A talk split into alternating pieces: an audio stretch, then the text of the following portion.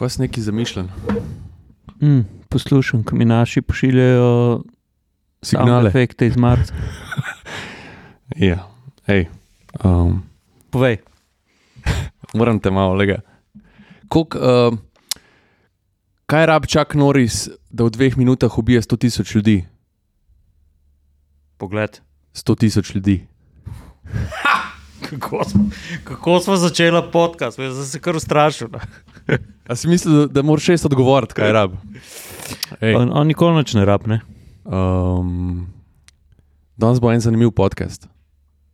Mhm. Se strinjaš? Zato, Tis- ker, Tisti, ki ga napovedujemo že nekaj cajt. zato, ker je energija mama. Energija je mama. In petrol je še zmer uh, na naši barki. Um, Tako da petrol, hvala. Uh,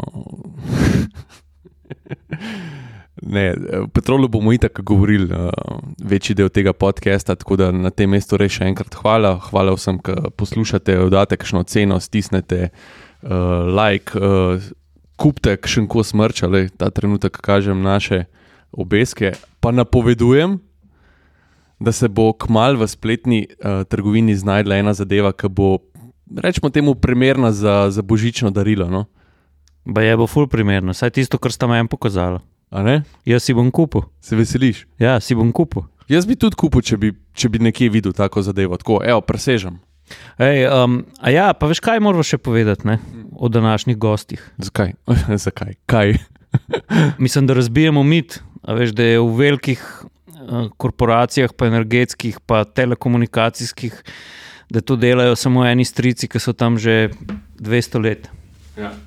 Jaz sem full vesel, ko prideta ena, dva mlada strokovnjaka. Yes. To je to.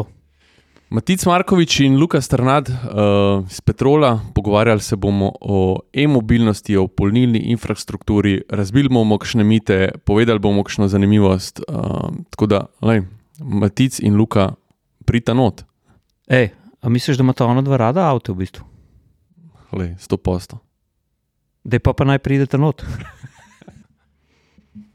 Ok, uh, Luka Strnad, Matic Markovič iz Petrola, dobrodošla v našem brlogu, atmosferskem brlogu. Živijo, živijo. Zdravo. Čau. Uh, Matic, Luka, da pokažem še vsem tistim, ki ki gledajo, pa ne poslušajo, s prstom sem namreč pokazal, kdo je kdo. Uh, Kot sem prej rekel, jaz sem fully vesel, ne samo zaradi tega, ker se mi tako uh, generacijsko malo ujamemo, ne, uh, pa na nek način se bomo tudi lotili tem, takih, ki mogoče v bistvu malo bolj zanimajo tole generacijo, ki še nekako prehaja v, v mobilnost. Ne. Uh, Jure, a, a si pokimu? Sodaš sem- zraven. Jaz, sem- jaz sem po- pokimal sem mikrofon. Ja, generacijsko smo, po moje, kar tam tam, po moje, čeprav. Ali v zadnjem podkastu smo se pogovarjali, v bistvu, koliko smo mi, koliko imamo v bistvu srečo, srečo, da smo na tem precepu mobilnosti, da v bistvu imamo možnost probati vse načine uh, mobilnosti. A, ne? a veš, nekoč bojo. Bo na neka naslednja generacija rekla, hej, veš, kako je bilo voziti tiste avto. Uh, a veš, danes imamo pa stik nekako z obojem in, in res smo lahko na nek način veseli tega. Ne? In to v stiku sta seveda tudi najna današnja gosta. ne. A Veš, mi smo zdaj v, v, na nekem novem začetku, po stotih letih. Po stotih letih, ki je žena od um, Karla Benza šla še, um, še um, v lekarno po benzin. Ne? Pa ni bil benzin, je bil kaj, je bil, je bil etanol. Ma bil je benzin, bil je petrolej, bilo je vse živo, ampak to so bile takrat lekarniške doze. ne. In na, ti, Pločica. ja, in na tisti, na tisti uh, legendarni vožnji, aj bilo od Benza ali bilo od Daimler, je žena. Pozabil. No, anyway. Anyway, v glavnem, uh, ženi da v avto zapeljati, izmanjkalo benzina, šla v lekarno po benzin. No. Pa po Coca-Colo. Pa takrat, so, takrat so bile še um, konjske uprege, ne so vsi gledali, tako kot ko danes um, skeptiki elektromobilnosti tudi pogledajo. Ne. Lej, kva pa zdaj to ne. Ej, zmer manj jih je. Ej, uh, preden, preden res zaštartamo, uh, Matic in Luka sta prinesla eno ful dobro darilo. Uh, vem, da je Matic si želi do besede pride, da malo razloži, zakaj je to prinesel. Da, Jure, pokaž, prosim te. E, jaz bom našel, ne, ne bom. V bistvu bom. Ja, nimamo trenutno nobenega dizla, drugače sem mislil, kudo na tankat. Le ta je dizel, lej. A ja, ta je bil hibrid dizel, točno, tega le bomo natankali. ne. Uh, Vse, Am. vsi tisti, ki ne gledate, Lej, pazi. Matic pa Luka sta prinesla pištolo. Pa zdaj, ki tu sprožiš, ne, neki megavatov uh, energije teče čez roko. Ja. Tu je še vedno čar, take pištole. ne. A, a je res tako? Je res, je res. Je res. Ma- Matic, uh, povej simboliko te pištole. Ja, Ti, ki si iz oddelka mobilnosti, uh, me je presenetilo, da si prenesel dizelsko pištolo. Povej simboliko. Ja, v bistvu tako. No. Danes, uh, danes v bistvu malo smo razmišljali, kaj, kaj lahko prenesemo. Vemo, da radi uh, sprejemate neke, bom rekel, take spominke iz sveta avtomobilizma. In smo malo razmišljali, ne, petrol vsi poznajo, pač poznajo ga po benzinu, dizlu in tako naprej. Uh, in smo razmišljali, kako bi zdaj mi dva, ne, če smo iz e-mobilnosti prenesli nek spomenik, uh, spomink v bistvu iz uh, sveta elektromobilnosti. Uh, in smo pogledali po skladišču, in dejansko nismo najdel niti enega polnilnega kabla, ki bi ga lahko danes prenesel. Smo imeli pa tam en tako ogromen zaboj teh odsluženih uh, točilnih glav, no, uh, in v bistvu evo, pištoli, in smo eno prenesli. Prav, ena nula za zanesljivost. Uh, Ja, lahko, lahko bi tako rekel. lahko bi tako rekel. dobro, da. Uh, Sam, da se vrnemo nazaj v tisto stoletje, ki smo ga prej omenjali. Uh, Vidim, da si neki, neki si ja, pogooglil. hotel sem, hotel sem eksaktno informacijo, da Berta Benz je bila, ne? Dobro. uh, partnerka od Karla Benza, pa tudi uh, uh, zanesenjakinja avtomobilska. tako da. A sta vidva avtomobilska zaresnjaka? Pa jaz bi zase rekel, da kar precej spremljam, uh, sploh uh, električno mobilnost, no, kot tako, tok bolj. Uh, sem tudi redni poslušalec vas, no, pa tudi če ne Ja. par drugih podcastov na to temo. Uh, tudi zelo, zelo veliko nekih revijev gledam, uh, avtomobilskih, tudi uh, kakšnih uh, tujejezičnih. No. Uh, tako da ja, načeloma sem. Kaj pa ti, Ja, Jaz sem mogoče že ta bolj doba te nove generacije, ki jim je avto bolj točka A do B. okay. Nič nimam proti, če je to malo luksuzni avto, se peljem, ampak recimo tudi danes sem prišel s kolesom, v službo Aha. se vozim s kolesom. A, tako da, ja. Zanimivo. Koliko pa, koliko pa v bistvu uh, e-mobilnost ali pa avti nasploh predstavljajo v vajnem poklicu? Mislim, koliko živita e-mobilnost uh, recimo znotraj vašega poklica v smislu prevozov? Um, zelo dobro vprašanje. No. Jaz mislim, da jaz pa Luka, v bistvu najn oddelek eh, na petrolu je v bistvu razvoj trajnostne mobilnosti. Ne. Ker ni samo po sebi zgolj elektromobilnost, ne, čeprav se večina oddelkov ukvarja zgolj z elektromobilnostjo, ampak v bistvu zelo um, spodbujamo tudi prvič znotraj petrola zaposlene, da uporabljajo različne načine prevoza, ne, da mogoče so uporabljajo vozila. Ne. Da v bistvu s tem pripomoremo k nižjemu ogličnemu odtisu, ne, pa ne nujno v bistvu zaradi uporabe električnega vozila. Tako da jaz pa Luka sva kar dober primerek, če lahko rečem, ne, mi dva kar v vsakem vremenu prideva ali s kolesom, ali z nekim električnim skirojem, ne, ali bom rekel, se zmenjava, pa skupaj greva v službo z avtom. Tako, zelo probava biti pri temu, um, pri temu uh, praktična, pa pač uporabljati uh, neke, neke, bom rekel, prevozna sredstva, ki nas pravijo od točke A do B, s tem, da imamo čim manjši vpliv na, na okolje. No. Tako da to. Sem, sem lahko malo um, mal, um, um, novinarsko predrzen ali pa če hočemo zajedljiv. Um, Kar, kar. A veš, da sem jaz hotel tudi eh, z enim vprašanjem prijeti ven, ampak Eh, kako pa, je? pa, Ker ste omenila ta vaš oddelek, ne? pa glede na to, da ste, da ste oddelek, eh, da je to v, v, vaši, v vašem podjetju relativno nov oddelek. Ne? eh, Da ste se prej ukvarjali predvsem z, z naftnimi derivati, zdaj se pa tudi z drugimi oblikami mobilnosti in predvsem el- elektroenergijo. Me pa zanima, koliko na vašem oddelku, na službenih poteh, takih malo daljših, ki jih ni mogoče opraviti s kolesom, um, a zdaj že večkrat, ko se ustavite na, uh, na energijskem vozlišču, nalivate v avto ali polnite avto? Um, tukaj, če lahko še eno anekdoto povem. Ne. Um, pač v preteklih, pretekla dva direktorja, ne, jaz sem pač zadolžen za postavljanje infrastrukture. In jaz sem rekel, na avtocesti od zdaj naprej samo še ultrahitra infrastruktura, torej 350 kW. In ona dva, ne, ne, Luka, to je drago, a ne bi bilo 50 dos. In evo, oba dva direktorja sta šla na pot, en je šel v Berlin, en pa v Francijo z električnim. Hmm. Ker sta prišla nazaj, sta rekla, Luka, oprosti. Ker sem bil na avtocesti, če je bila 50 kW, sem se križal, zato ker, ker se voz, če se voziš 10 ur, nočeš čakati eno uro na eni, pa na drugi, in sta sama ultra hitre in takrat naprej. Torej, um, in tudi mi vsi znotraj oddelka vedno vzamemo električni avto in ga uporabimo za te službene poti. No, vse to sem jaz sem hotel Juretovo vprašanje malo razčleniti, v bistvu, oziroma celo mogoče ga specificirati. Imata sestank v Beogradu.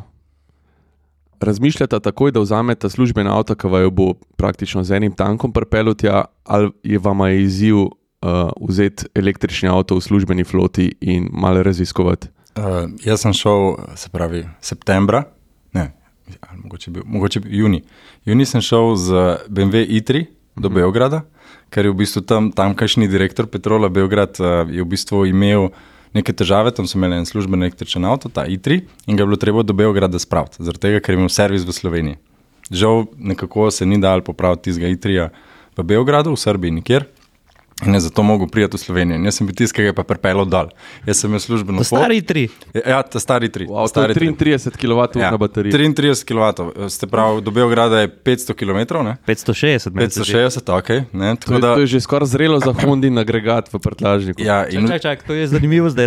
ne, in vsi tisti, ki pravijo, da se ne da, ne, da se. Da se, res se da. Uh, sicer sem probal biti racionalen pri tem, uh, rad se igram s tem, v bistvu, da, da poskusim optimizirati svojo pot na način, da um, maksimiziram tisto polnjenje, ki ga bom imel, se pravi, da z največjo možno močjo polnim. Ne? Se pravi, vsi vemo, da tam po 80% ponovadi sama moč polnjenja pade, zato nikoli ne polniš med tistih 80 in 100, ne? zato probaš iti pač večkrat dol iz avtoceste, ne? pa pač eh, preklopiti, pa polniti. Ampak tam nek range, tudi pa recimo ITRIO, ne, se da zelo hitro pogooglati, ne, da vidiš, kje v bistvu tista moč pada, ne, kakšna mora biti state of battery, ne, koliko mora biti tisti procent, da v bistvu ti optimiziraš to svoj čas. Uh, čas polnjenja. No? In lahko povem, da sicer je moj kolega, uh, uh, seveda, jaz sem mogel prijeti tudi nazaj, ne, in je šel še en kolega z mano, je šel pa z, z dizlom, um, ker takrat nismo dobila drugega električnega, uh, ampak on je šel z dizlom in v bistvu je štartoval ene 4 ure kasneje, prišla sva pa skupaj na cilj.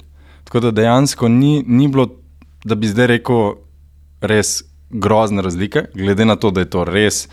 V, mislim, v svetu električnih vozil je zelo star avto, ne? ta BMW i3. No, to je, predvsem to je podatek. To je podatek. Ker ne, razlika je bila sicer kar orang. Ja. Razlika je v, čas, v času je kar orang, ne? ampak bom rekel, tisto avto je, kot Ja, ja, bi se ja. pogovarjali ne? Eh, o dinozavru med električnimi vozili. Ne? Tako da uh, se da. Se da. Uh, še mogoče tisto vprašanje prvo, ne? kako pa znotraj petrola.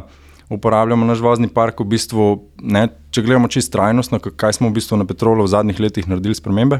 Imamo zelo veliko električnih vozil, Um, sploh se v bistvu eh, naš vozni park, um, sploh ne vem, kako procentualno, koliko, je, uh, koliko električnih avtomobilov zauzema, ampak uh, bom rekel, vsako leto se dodajo električni avtomobili. Uh, tako da tudi zaposlene se spodbuja, da praktično uporabljajo to, da se seznanijo s to tehnologijo, da vidijo, da povejo svoje izkušnje in to.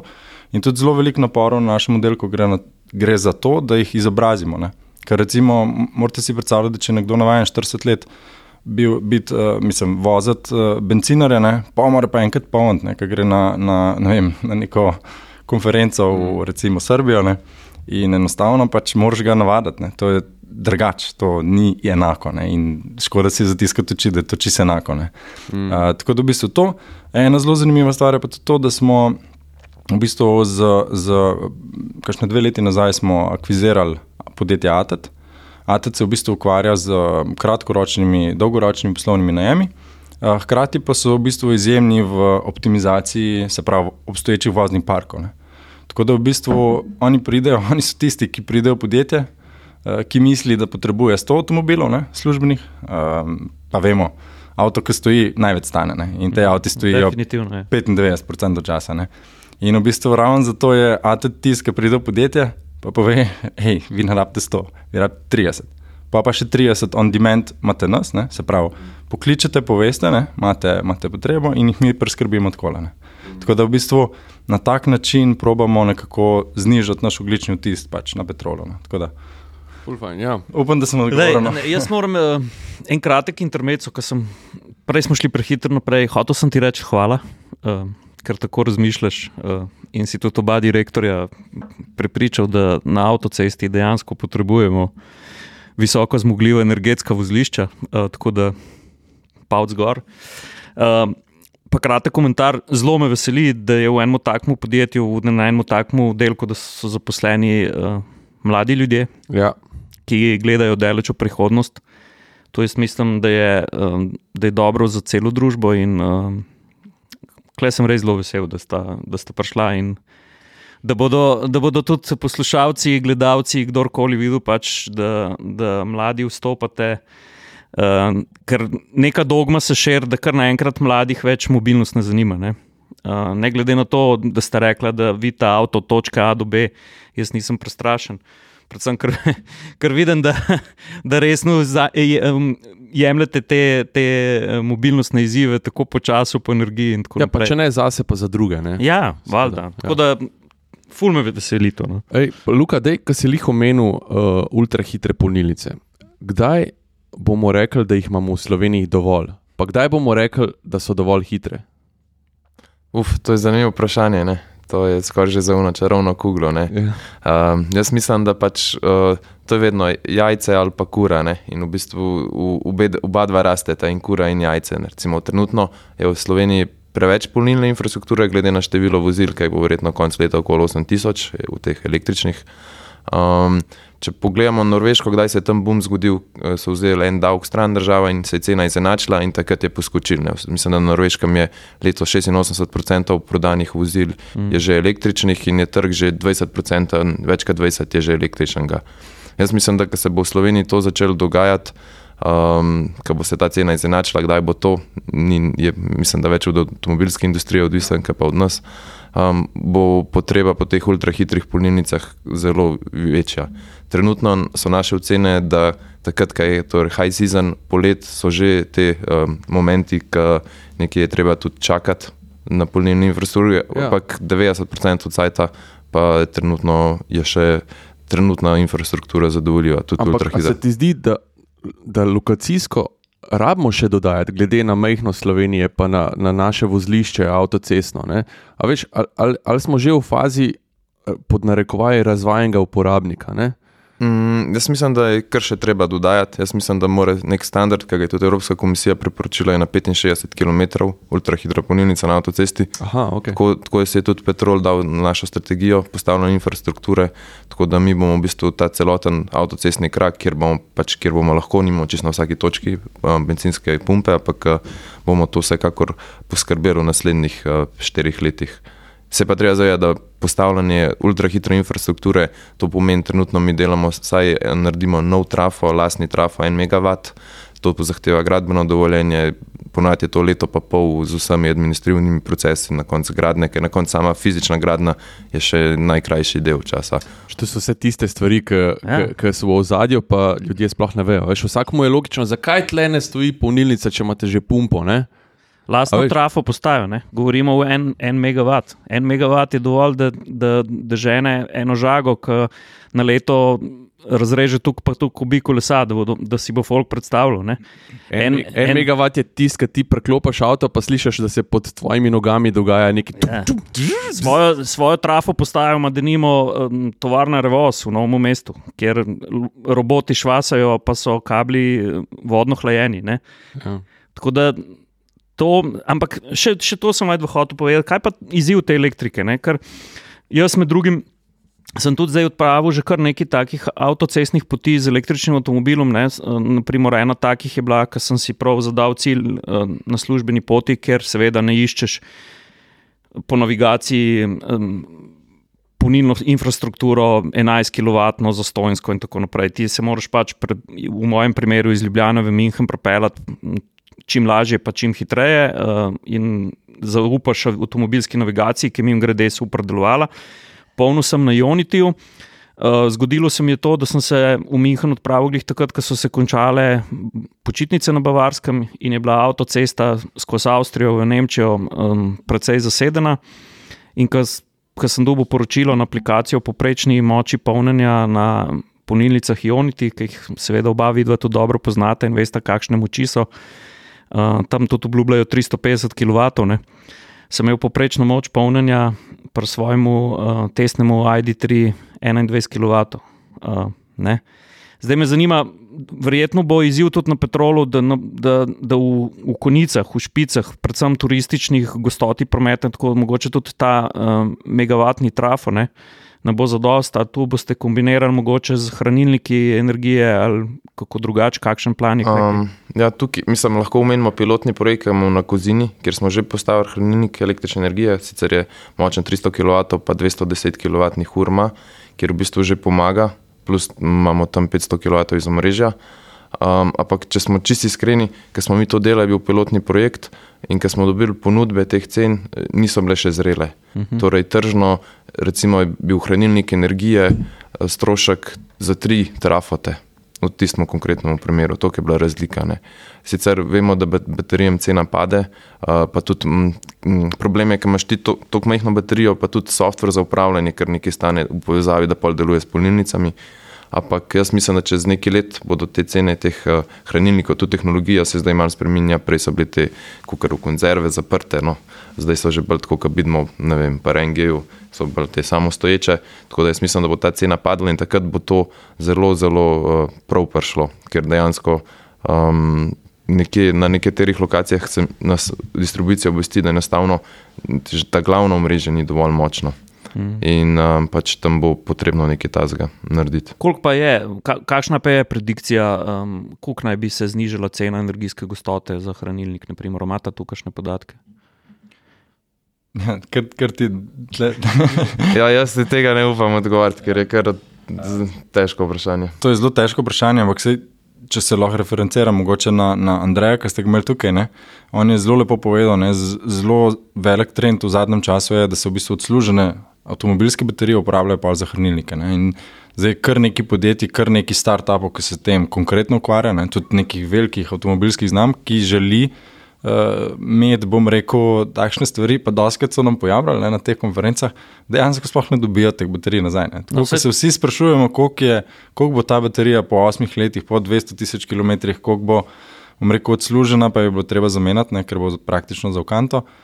Imajo glih avtomobilisti težave s tem, ker so oni naredili predikcijo, da bo to nazaj prišlo, pa še nobena ni nazaj prišla. Ne. Zdaj, in, oziroma zelo malo. Ne. In tudi um, bom rekel, ampak to se bo slej prej zgodilo. To No. sva mi dva imela, točno to težavo sva mi dva imela, ker sva, uh, mi bomo zdaj za en projekt, ki ga delamo s uh, Triglavom, rabimo eno avtomobilsko baterijo. Smo hoteli cel model. In smo hoteli cel ne samo model na eno dobiti. celico. Ne? Tega ni. Ni.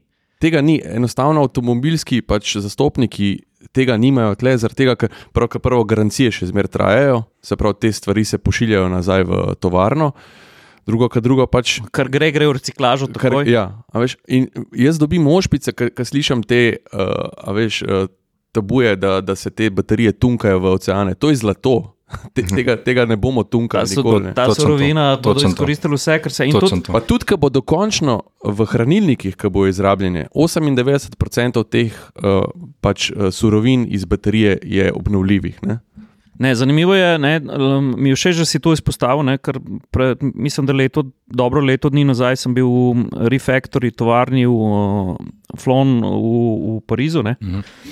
Uh, moramo vedeti, da je zdaj od zunaj ima Renault že deset let uh, veliko serijske elektromobilnosti za sabo in so glih to rekli, ne, da imajo pripravljeno kapaciteto, v tej tovarni se bodo tovarniško obnavljali in električne in hibridne avtomobile in benzinske in dizelske, oziroma jih že obnavljajo, in obenem bodo pri tej obnovi zagnali tudi proizvodno, se pravi, hranilnikov. Ne.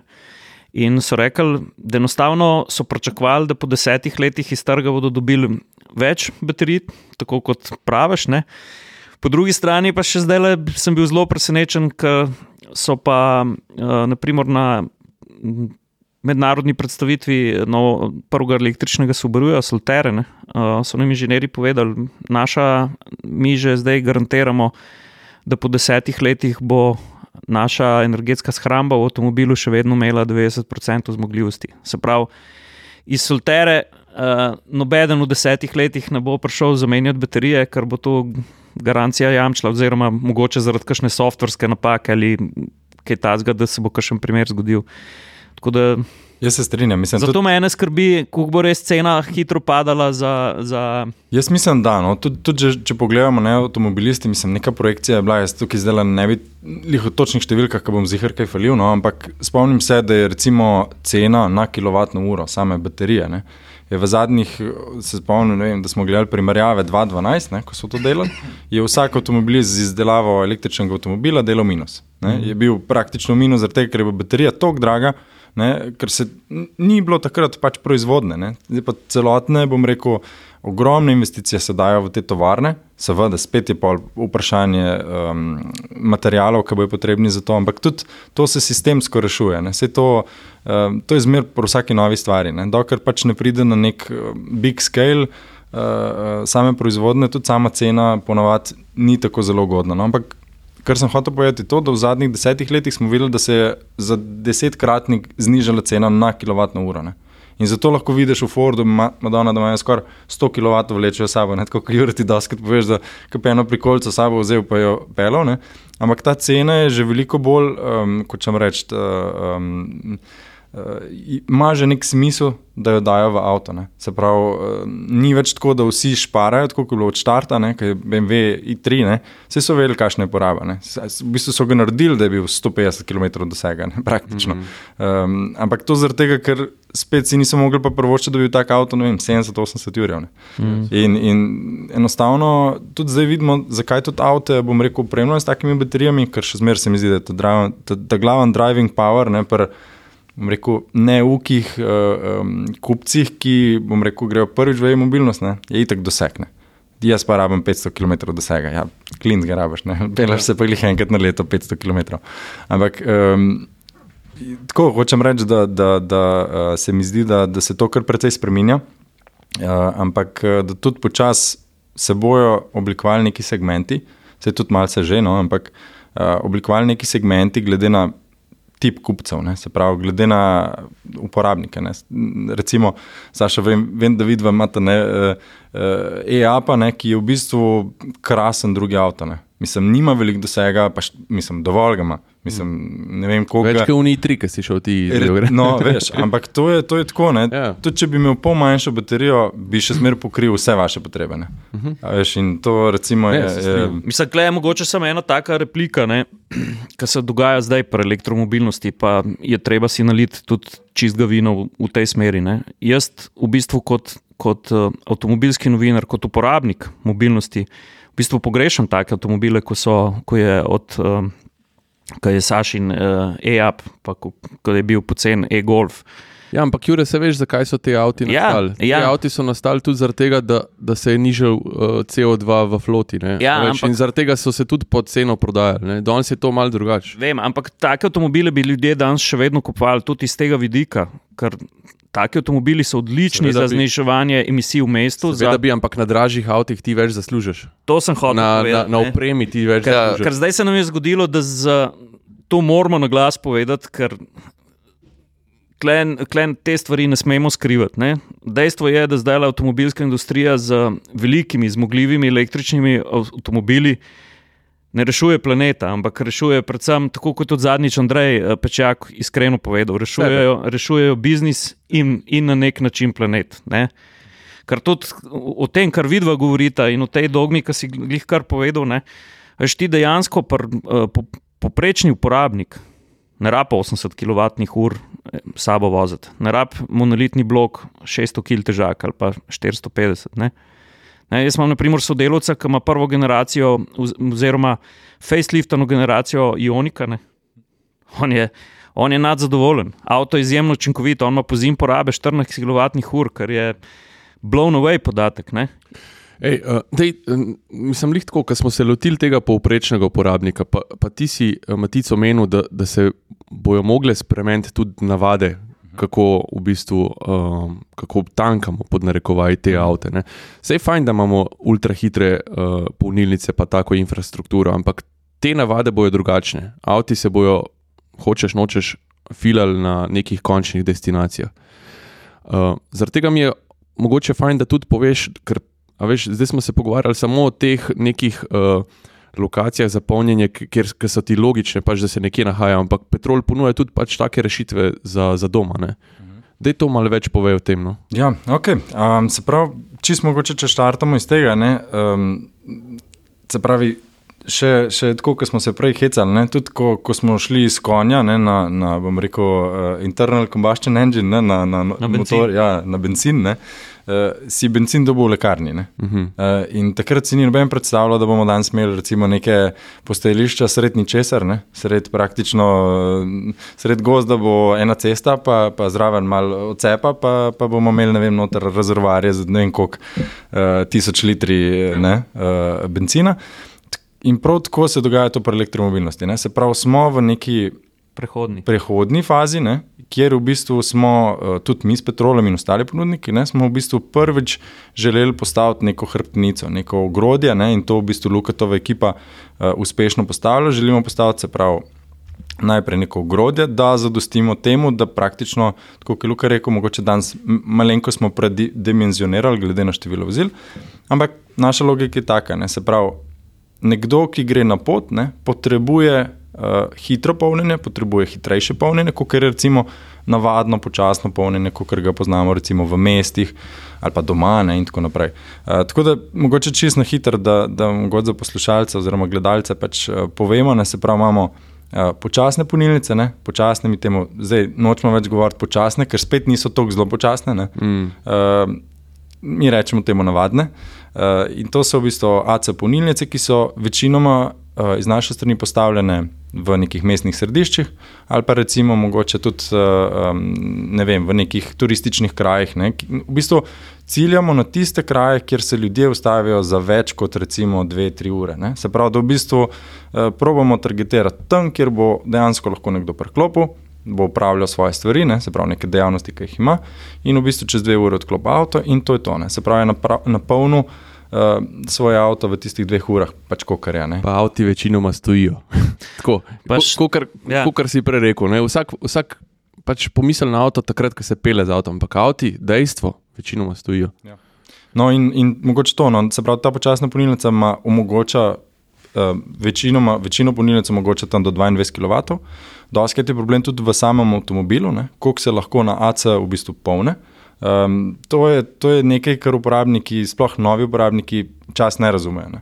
Se pravi, zelo pomembno je, da tudi, ko kupujete avto, se pozanimate, ne, pa malo mogoče prekalkulirate, se pravi, a ga bom jaz polnil samo doma, ne, a mi je dovolj, da se polne z recimo 6, 7, 8, 9 kW, ne, ali jaz rabim 22, ne, a res rabim, da mi dva- z 22 To je, polne. če čisto plastično povemo, če, ja. če ti recimo kupaš nek telefon, je odvisen, kakšen ponivc imaš, koliko se bo hitro napolnil. Mm. Tako je tudi v avtu pomemben, kakšen ponivc ima avto, ker ti imaš vedno na koncu vtičenco v steni, ki daje pač to moč ven iz sebe. Mm. In je odvisen, kakšen ponivc ima avto. Ja, pa koliko veliko imaš baterijo. Ne, mogoče, eh, včeraj je bil en tak primer, ko sem jaz objavil cenik. Cenik polnjenja na uh, Teslinih superchargerjih, ne? uh, se pravi, teh, ki so naprimer v, v Ljubljani, tam na obvoznici, pa zdaj nova zadeva je v žiro, žirovnici. Ne? In sem takoj dobil vprašanje, ja, ampak koliko zdaj mene to pa dejansko košta. Ne? Tako da to ljudje, da, da si bodo predstavljali, zdaj veliko avtomobilskih znamk je začelo tudi uh, polnjenje uh, izpostavljati v novi enoti, se pravi, koliko kilometrov na uro polniš. Ne? In zdaj za eni, ta, eni taki eh, 100 kW polnilnici, ki je po današnjih, eh, po današnjih normativih nekje srednje hitra, nafilaš v eni uri od, za 90 do 100 km novega dosega. Ne? Tako nekje je. Ja, ampak ta strošek, ki ga imaš s tem polnjenjem, ni realen strošek uporabe tega avta. In Jasno. Zaradi tega pač Matica sprašujem tle, a veš, ker te navade uh, uporabnikov se bodo spremenile.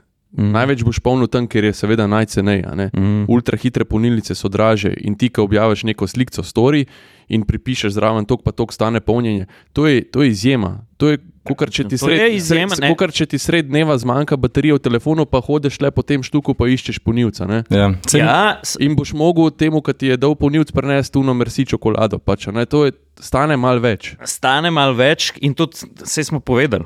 Hitro polnjenje je smiselno takrat, kadar si ti na poti.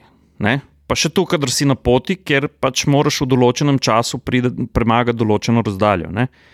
Avtomobilsko polnjenje električnega avtomobila, seveda, je najcenejše na domači eh, vtičnici. Ja. To, to je logično. Sam so pa, Saša, ne moramo pa ignorirati cene hitrih polnilnic. Ne? To pa ne moramo ignorirati, ker Sa. ljudje bodo tudi potovali z avtomobili. Tukaj, tukaj bi jaz dodal, da v bistvu, uh, jaz kar kdaj dobim. Uh, kurjo potka in reče, koliko je cena ultra hitre, pa primerja tako z dizlom ali benzinom. Ne. Pravilno moraš gledati svoje potrebe in sploh tisti, ki živijo doma, ne, bi mogel reči, ajde, 90% ukrat cena nočne tarife po vseh unih postavk doma, 5% ACA polnjenje, še dve hitre in 0,5 UC in dobiš pa ceno stroška, koliko te pride ta vozilo in ugotoviš, da je še vedno dosti, dosti cenejši benzinski ali pa dizelski. Ne. To bi bila mogla biti ta no, prava. Naprimer, to sem jaz preračunal v mojem testu, ko sem šel na. na uh... Na službeno pot v München, sem jih to povedal. Ne? Da ti, če filaš eh, v 90% tak avto, ki si ga kupil na lastni polnilnici, imaš tu klufta v ceni, ne? da, da boš na leto brez težav, uh, da boš na leto brez težav zapravil um, 100 ali pa 200 evrov za neko daljšo pot na elektriko na hitrih polnilnicah. In no, to, je, to je konverzija, ki jo, jo je potrebno upoštevati. Ampak, veš kaj, veš, kaj mi je pa všeč? Ker, veš, jaz vem, da oni razmišljajo že o tem in jih. Uh, A veš, prilagodijo recimo uporabniku pakete polnjenja. Mm -hmm. Ker ne, nekomu odgovarja to, da več tanka na, uh, na poti, ne nekomu pa več doma. Tako da ti zdaj ti, prosim, te povejo, veš. To so zanimive stvari, ker na koncu vsak misli, koliko stane polnjenje na, na ultrahitri, meni bo to vedno tako stalo. Uh -huh. e, jaz bi se še malo navezal na tisto ceno. Pravi, na začetku smo se pogovarjali, si mogoče lahko pa Luka še malo pove, ne, zakaj je taka cena. Ne? Ker veš, ljudje potem mogoče malo zmotno mislijo, da je cena elektrike ki jo ima on doma ne, za to polnjenje, je pa kar enaka ceni uh, polnjenja na ultrahitre. Ja. Kot smo prej govorili, mi tukaj se bo luka mogoče pa navezano na to, kakšni stroški tukaj nastajajo. Uh, in mi dva smo tista, ki praktično oblikujemo ceno, ne tudi seveda z ekipo, ampak uh, deva reči, da tukaj ni veliko na trenutno, na trenutno, eh, na trenutno, eh, bom rekel, na trenutno uporabno, uporabo teh polnilnic, eh, moramo reči, da, da ta cena je realna. Ne. Ta cena je trenutno realna. Um, Oziroma, če bi čisto realno, mi smo jo raztegnili na 15 let, ker nismo hoteli obesati pomankanja uporabnikov zdaj. Ne? Um, smo na 15 let naredili ekonomiko in poštevali na 15 let, ker če bi dali zdaj ceno, v bistvu bi mogla biti še precej višja cena, da bi, da bi se pokrivala, ampak pa to ne bi imelo smisla. Tako. Ja. In tega nočemo, ne? mi želimo spodbujati to in doskrat je percepcija, da mi tega ne želimo. Ampak da se vrnemo na vprašanje. No? V bistvu, ja, ponujemo tudi pakete, se pravi. Um, razmišljali smo, v bistvu, šli smo v analizo, koliko je v bistvu neka poprečna uporaba pri samem uporabnikih. Uh, zdaj, seveda, tukaj vsak ima neke svoje specifike. Ne? En lahko polne doma, drug ne more on doma. Presenetili bi vas, koliko ljudi ima električne avtomobile, pa nima domačega polnjenja. Ne? To je mene, bom rekel, zelo presenetilo, ker se mi zdi, da največkrat je percepcija, da če pa doma nimaš svoje polnilnice, pa, pa ne moreš imeti električnega avta. Ne? In uh, zelo veliko takih, in imamo tudi zelo veliko, bom rekel, naročnikov, ki so naročeni na takšne pakete. Ponujemo pa v bistvu tri različne. Um, tri je v bistvu, kjer so, kjer so uh, mi jih poimenujemo brezkrbni, ki imajo različno količino zakupljenih enot in v bistvu, glede na svoje potrebe, ki jih imaš, lahko enega izmed teh zbereš in praktično imaš neke zakupljene količine. Podobno kot smo to poznali, recimo pri mobilni telefoniji. Mm. Zdaj si paket, imel si 100 gigabajtov ne? in tle, mm -hmm. tle je zelo podobna zgodba. Torej, plačaš Tada, neko naročnino in dobiš za to nižjo tako, uh, tako. ceno polnjenja. To, to, ja, to, to je pa že to. To je pa ta drug paket, to je pa v bistvu one charge paket, poimenujemo. Uh, tam pa v bistvu je tako, da, da želimo um, se prav um, znižati ceno polnjenja, ne se pravi, ti plačaš nekaj na mesec, ne, zato da vemo, da boš naš uporabnik. Ne, uh, in temu primerno ti v bistvu mi znižamo uh, v procentih uh, strošek polnjenja. Mhm. Uh, zraven ponovadi zapakiramo še kakšno ugodnost, ne, vsak se rad da pocrkla s kakšno kavico na poti ne, ali pa mhm. kaj tasga. Ja, recimo kaj tasga. Tako da v bistvu to, to, to so naši paketi, ki jih tle ponujemo. Imamo pa v bistvu v planu, um, imamo pa v planu v bistvu to uh, v naslednjih mesecih še prenoviti. No, tako da v bistvu prihajajo kar, kar uh, zanimive stvari. No. Super. Ja. Um, ena bolečina vseh, um, ali pa velike večine voznikov, ki razmišljajo o elektriki, pa niso še na električnih avtomobilih, je seveda, je seveda dostopnost do, do elektrike.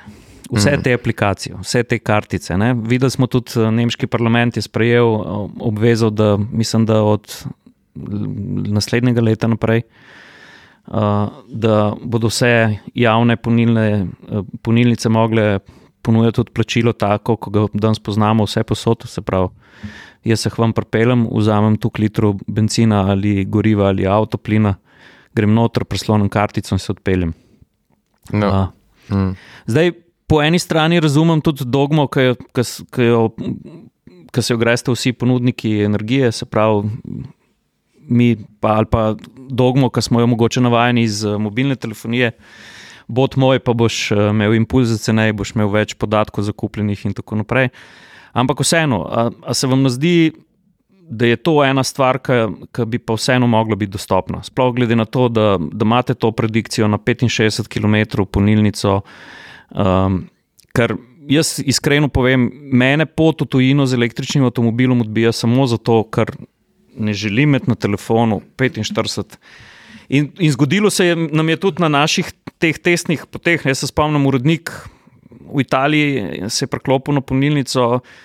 Šestkrat je dol potegnil aplikacijo, šestkrat jo je zagnal, ni filalo, je filalo, na koncu je mogel avto izklopiti z udarom na emergency rdeč gumb, da je vse skupaj izklopilo, da je avto on sploh lahko izklopil.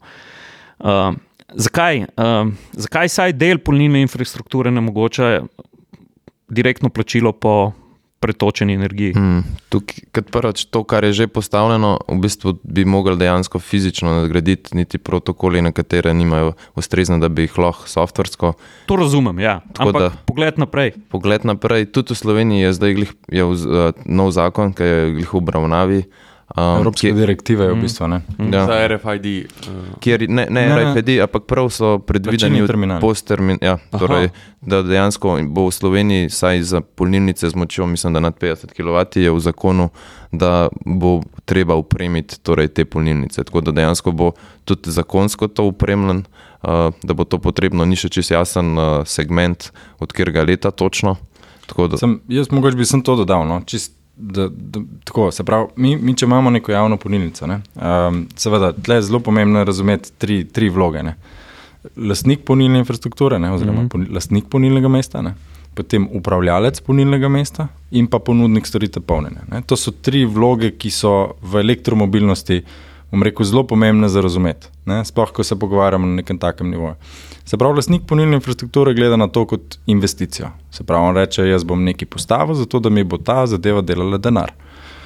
Uh, potem, uh, se pravi, charge point operator, ne, se pravi, upravljalec teh polnilnih mest, on je v bistvu tisti, ki menedžera, se pravi, skrbi za to, da to operativno deluje, ne, se pravi, da ta polnilnica deluje, da so kabli ustrezni, da je vzdrževano pravilno, da bom rekel, uravnava energijo na način, da dela neko stroškovno optimizacijo in tako naprej. Potem pa tukaj providerja tega servisa, ne, se pravi, MSP, mi temu rečemo, e-mo- e-mobility service provider. Uh, in v bistvu ta e-mobility service provider, njegova naloga pa je, da ima v bistvu stik s kupcem in kupcu na enem mestu združi, ponudi um, vse ponilnice. Ne? Da ti v bistvu lahko se identificiraš, da ti imaš z njim pogodbo, da ti daje kakšno ugodnost in tako naprej. Ne? Se pravi, in on je tisti, EMS pa je tisti, ki v bistvu tistemu lastniku praktično prinaša denar. Ne? Se pravi, brez tistega tega prihodka ni. In zakaj je to pomembno razumeti? Ne? Se pravi, mi, kdaj kot Petrol nastopamo v tej vlogi, se pravi, smo v vseh treh vlogah, ne? smo investirali, smo upravljamo z njo in ponujemo storitev polnjenja. ne. Imamo pa tudi polnilnice, kjer smo samo recimo en izmed teh, ne? se pravi, recimo v eni izmed vlog. In na trgu imaš ponudnike, ki se ukvarjajo samo s tem, da so ponudnik storitev polnjenja. Imamo recimo vem, Ionity, ki vidi svojo vizijo, da bo in upravljalec polnilnih mest, in ponudnik storitev polnjenja. ne. Potem recimo vidimo avtomobiliste, ki danes, bom rekel, prvič želijo biti ponudnik storitev polnjenja. ne.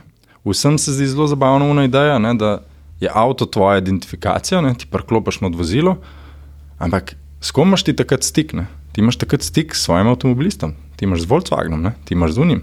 Veš, in v bistvu tukaj prvič vidimo, da avtomobilisti so tisti, ki vstopajo na nek trg, ki ga do zdaj še niso imeli. Ne? Se pravi, oni ga niso poznali, oni so te avto prodali, oni so ga servisirali, oni so delali na njemu. Ja, oni so Rekel- prodali sem hardware. ne. Tako, ne? zdaj pa v bistvu oni želijo vstopati v- tudi na, bom rekel, ta uh, uh, uh, kot ponudnik storitev. Ne? In v bistvu tukaj so različne strategije. Um, mi, kot, bom rekel, mi, se, mi kot Petrol se želimo pozicionirati v vseh. Mi želimo biti, bom rekel, najboljši upravljalec v regiji in to nam tudi zelo dobro uspeva. Smo eni izmed, rekel, glavnih ponudnikov. Uh, uh, prvič upravljanja v celotni regiji, ne? se pravi v regiji, ki jo Petrol pokriva, potem en od glavnih ponudnikov storitev polnjenja, ne? se pravi po vseh trgih, kjer je Petrol že danes prisoten z benzinom, želimo biti prisotni tudi z elektromobilnostjo, ne? ker to poznamo. Uh, in tukaj se včasih kreše, bom rekel, želja, v katero, mislim, to, kar ti uporabniki govorijo, pa to, kar je tvoja strategija. Ne? In v bistvu tukaj kot Petrol moramo zelo enotno pristopati te stvari in ne, da se mi ne želimo povezovati, daleč od tega. Mi se želimo povezovati in tudi se povezujemo. Ne? Mi že danes, kot bom rekel, um, tak ponudnik, omogočamo, da greš poln praktično do Berlina gor z našo kartico. Ne? Sem ideja, recimo nekoga drugega, pa je, da ne greš z našo kartico, ne greš z njegovo. In Tudi tukaj pride do tega, ne, da vsak hoče imeti svoj app. Vsi tekmujemo malo, kdo bo imel boljši app, kdo bo imel boljše pogoje, kdo bo imel to. Ja, vse to je, a veš, vse, razumem vse to, ampak Sam tudi na, na koncu, Sej, tako bom rekel, uh, v tem trenutku so zadovoljni napredni uporabniki e-mobilnosti, ampak na vas, oziroma na vseh, je pa naloga, da boste prepričali v e-mobilnost vse skeptike, oziroma vse tiste, ki so imeli ali pa bojo imeli neko slabo izkušnjo. Dam primer. Zadnjič mi tle potrka na vrata, uh, tle le sosedi iz sosednje pisarne in prav, hej, uh, sem imel čez vikend sem si sposodil Tajkana. Dubu sem ga ven iz uh, rente z četrt baterije in sem šel najprej na Petrol. In je rekel, sem videl tam za poskenirati, sem videl, da moram downloadati aplikacijo, sem videl, da moram vezati kartico, sem videl, sem rekel, sem se odpeljal. Sem šel na Hofer, tam so bili trije taksisti v vrsti, so čakali. Uh, sem šel na Uno polnilnico, Una je vlekla 7 kW uh, in sem rekel, ti se ni premaknil nikamor. On je obupal nad e-mobilnostjo. On, on bo naslednjo priložnost bo dobil čez 10 let, mm -hmm. ker, ker prej ne bo hotel. A veš, se mi zdi, da ste zado, v tem trenutku, ne, ne, ne kažem s prstom na petrol, kažem na vse, da ste v tem trenutku zadovoljili tiste uporabnike, ki imajo to neko željo, pa prepričane. Se, se, se prepričali, a veš, prepričani so že tle, ampak vsem bo v interesu dobiti en velik, velik bazen uporabnikov, ki jih bo, a veš, tak nek način, da ti greš v, na benzinski servis, vzameš vrednostno kartico, jo preslonaš na, na Uno in imaš 30 kWh na tisti vrednostni kartici. On bo super zadovoljen. On bo, on bo počasi ti pojem mobilnost in bo prišel v nekem trenutku v, Jaz v se- ta svet. Jaz se tle čist strinjam in ne, ne me narobe razumeti. Mi gremo v to smer, to je jasno. Ampak mo, moramo se pa tudi zavedati, ne, tako kot smo bili prej, mi vidimo v bistvu uporabo teh payment terminalov kot neko stvar, ki se dogaja. Mi v zadnji imamo že pilotne projekte, mi to že razvijamo, mi to že testiramo v zadnji, zato da bomo lahko to ponudili v taki obliki, kot kar Petrol, bom rekel, z neko uporabniško izkušnjo nastopa na drugi trgi. To vse se dogaja. Ne, ampak dejstvo je, tako ko, ko se rečemo, ne, pa kaj pa je problem, da daš ti, ne vem, posterminal gor na polirnico, ne, pa to povežeš, pa to vse normalno deluje. Ja, zaledni sistemi, pa Ne, vse, ampak mislim, tudi, to, tudi vem, to, da ne, prinese ogromno težav. Ja, ampak recimo mi imamo zelo velik ponilnic, mi želimo dati, bom rekel, enotno uporabniško izkušnjo. Ne. Spet, a bi bil ti zadovoljen, da nekje ti rečem, ne vem, tle moraš vančač uporabljati, ker, ne, bom rekel, si sretni česar. Ne moreš iti na šalter, tako kot navajam pri benzinu, ne plačati. Hmm. Veš, in ne moreš tam, ne moreš ti ono z enim klikom sprožiti polnjenja. Ne? Ne more biti različna, ne, ne more biti nekje tako, nekje tako. Tako da v bistvu tukaj želimo, mislim, sem te pejme terminali, ne, tudi, tudi, bom rekel, je na zunanjih vplivih. Se noben ne zaveda, ne, če to nekje noter v ogrevanem prostoru ali pa če to na snegu, dažju, ne vem, če imamo samo. Ne.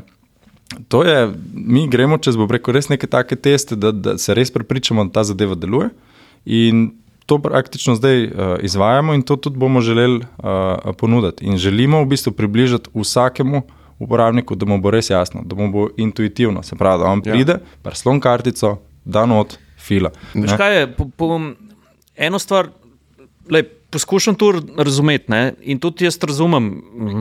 mi je jasno, da imate tripartitne stvari. Ne? Da eno je, odkje pride energija, kdo s to energijo upravlja, kdo infrastrukturo postavlja. Ampak mogoče se odgovor skriva glih v teh stvareh. Lej, um, bilo je potrebno neki politične volje. Ne? In danes v 27 članicah Evropske unije podatek stane toliko, klic stane toliko, ti kamorkoli greš. Kar je pa, kar je pa še, še druga, meni še vedno ne predstavljiva stvar. Kamorkoli po svetu greš, imaš v bistvu iz ene Slovenije sklenjen roaming. Ti kamorkoli greš, dobiš neko obvestilo, koliko to stane, in dobiš enotno položnico. Ne?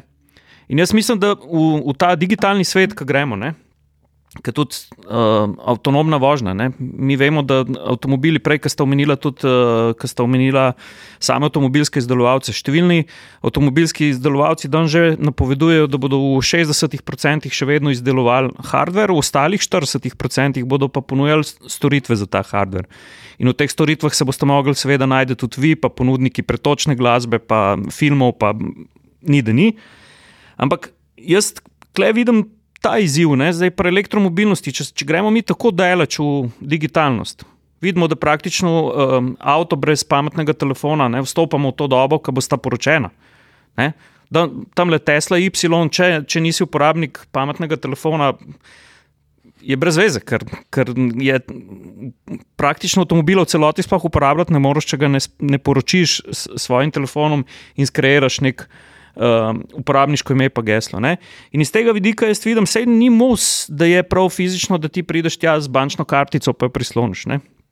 Mogoče se to da vezati na tvoj profil, telefonski, kakorkoli. No. Ja, sej, mi to v bistvu je ja, trenutno. Ne, to imamo, bom rekel, neko vizijo, se pravi, da znotraj petrola ne, trenutno poznamo rekel, app na poti, ki ga se uporablja, bom rekel, kot uh, za kavico, za uno, tretjo, četrto, peto. Ne, in imamo, bom rekel, veliko nekih aplikacij. In to je vizija, in delamo na tem, da to v bistvu poenotimo, da združimo uh, in da v bistvu tudi uh, predstavimo ne, takšno uporabniško izkušnjo, kot si ti omenil. Se pravi, da je, da je približano temu, kar poznamo kot dobro uporabniško izkušnjo druge.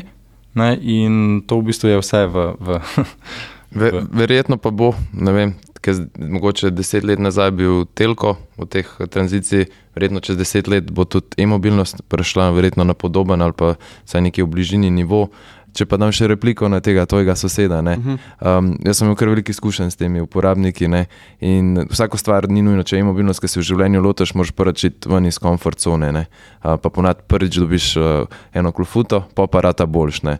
In moja izkušnja za e-mobilnost je, ne, da če nekdo testira vozilo ali karkoli, najslabše je, da mu daš za en dan, pa po možnosti še tako, da mu daš sam ključe. Mm. En teden praktično vsakega ima en te na električnem vozilu, pa rata privrženec. Strinjam, Seveda, strinjam, ampak veš, je pa zamujena priložnost. Veš, da, da, da, da ga takoj prepričaš, da je to to. Mislim, pa ne govorim samo uh, strani. Veš, on, on si ni vzel na piko samo ponudnika uh, pač, uh, polnjenja. Ne? On je tudi vzel na piko avtomobilista, ne? proizvajalca. Pač, zakaj to ni tako, kot mora biti. Veš, tako da sploh ni bilo ja, ja. kazanje s prstom samo na. na ja. Pa tudi, tudi to vidimo, tudi par, recimo, čistko, če gremo zdaj na protokole komunikacije in te stvari, ki so zelo pomembni tukaj. Se pravi, prvič polnilnica do sistema, ne, potem Absolutno. polnilnica avto. Ne. Mislim, to je, to je tako, kot kar.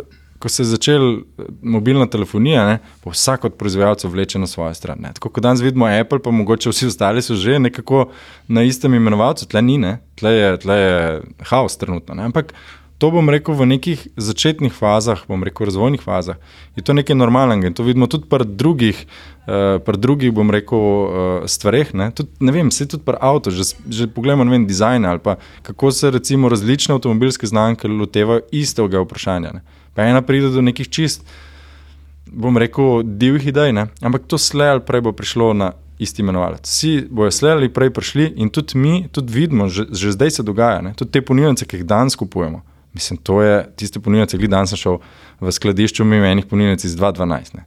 Mislim, ta ponudnica je, lej, to je, to je kalkulator, ima več, skoraj, mislim, zdaj le, karikiram, ampak kalkulator ima več, bom rekel, nekih sposobnosti, kot je imela Una. Ne. To je zelo, zelo neumna naprava, ki se ji zdaj dodajajo možgani. Ne. In ko se ji dodajajo možgani, bom rekel, lahko tudi ta ponudnica malo bolj razmišlja, malo bolj komunicira, malo bolj. Ne. In to to je nenormalen razvoj, ki se je zgodil v zadnjih desetih letih in pričakujem, da se bo v naslednjih desetih spet. Ne. Tako da prihajamo Ja. ja. tja, prihajamo tja, da bo to, bom rekel, čim bolj intuitivno za, za vsakega Ja, uporabnika. če, če dodamo, če tri leta nazaj smo imeli tri različne priključke, sem imel še demo v Evropi, Ja. ja. CCS, pa še Zoe je, je, je malo forsiral AC43. Se Ne. pa moramo mobilni telefoni bomo Isto. tudi šele zdaj uredili. Ja, hvala, bo, hvala Bogu, imamo zdaj v Evropi, da se je CCS bo za ta hitro polnjen. seveda. Pa ti si lepo rekel, no, da, da to vse skupaj prihaja na neki isti imenovalec, uh, Matica. Ne? Ampak, uh, da je Luka, to je pa mogoče vprašanje za te. Veš, pa to je tudi en od predsotkov, da so polnilnice prepočasne. Ultrahitre polnilnice, recimo, ta trenutek prekašajo uh, zmožnost polnjenja avtomobilov. Mm -hmm. veš, so hitrejše, kot je avto zmožen usrkati vase. Ne?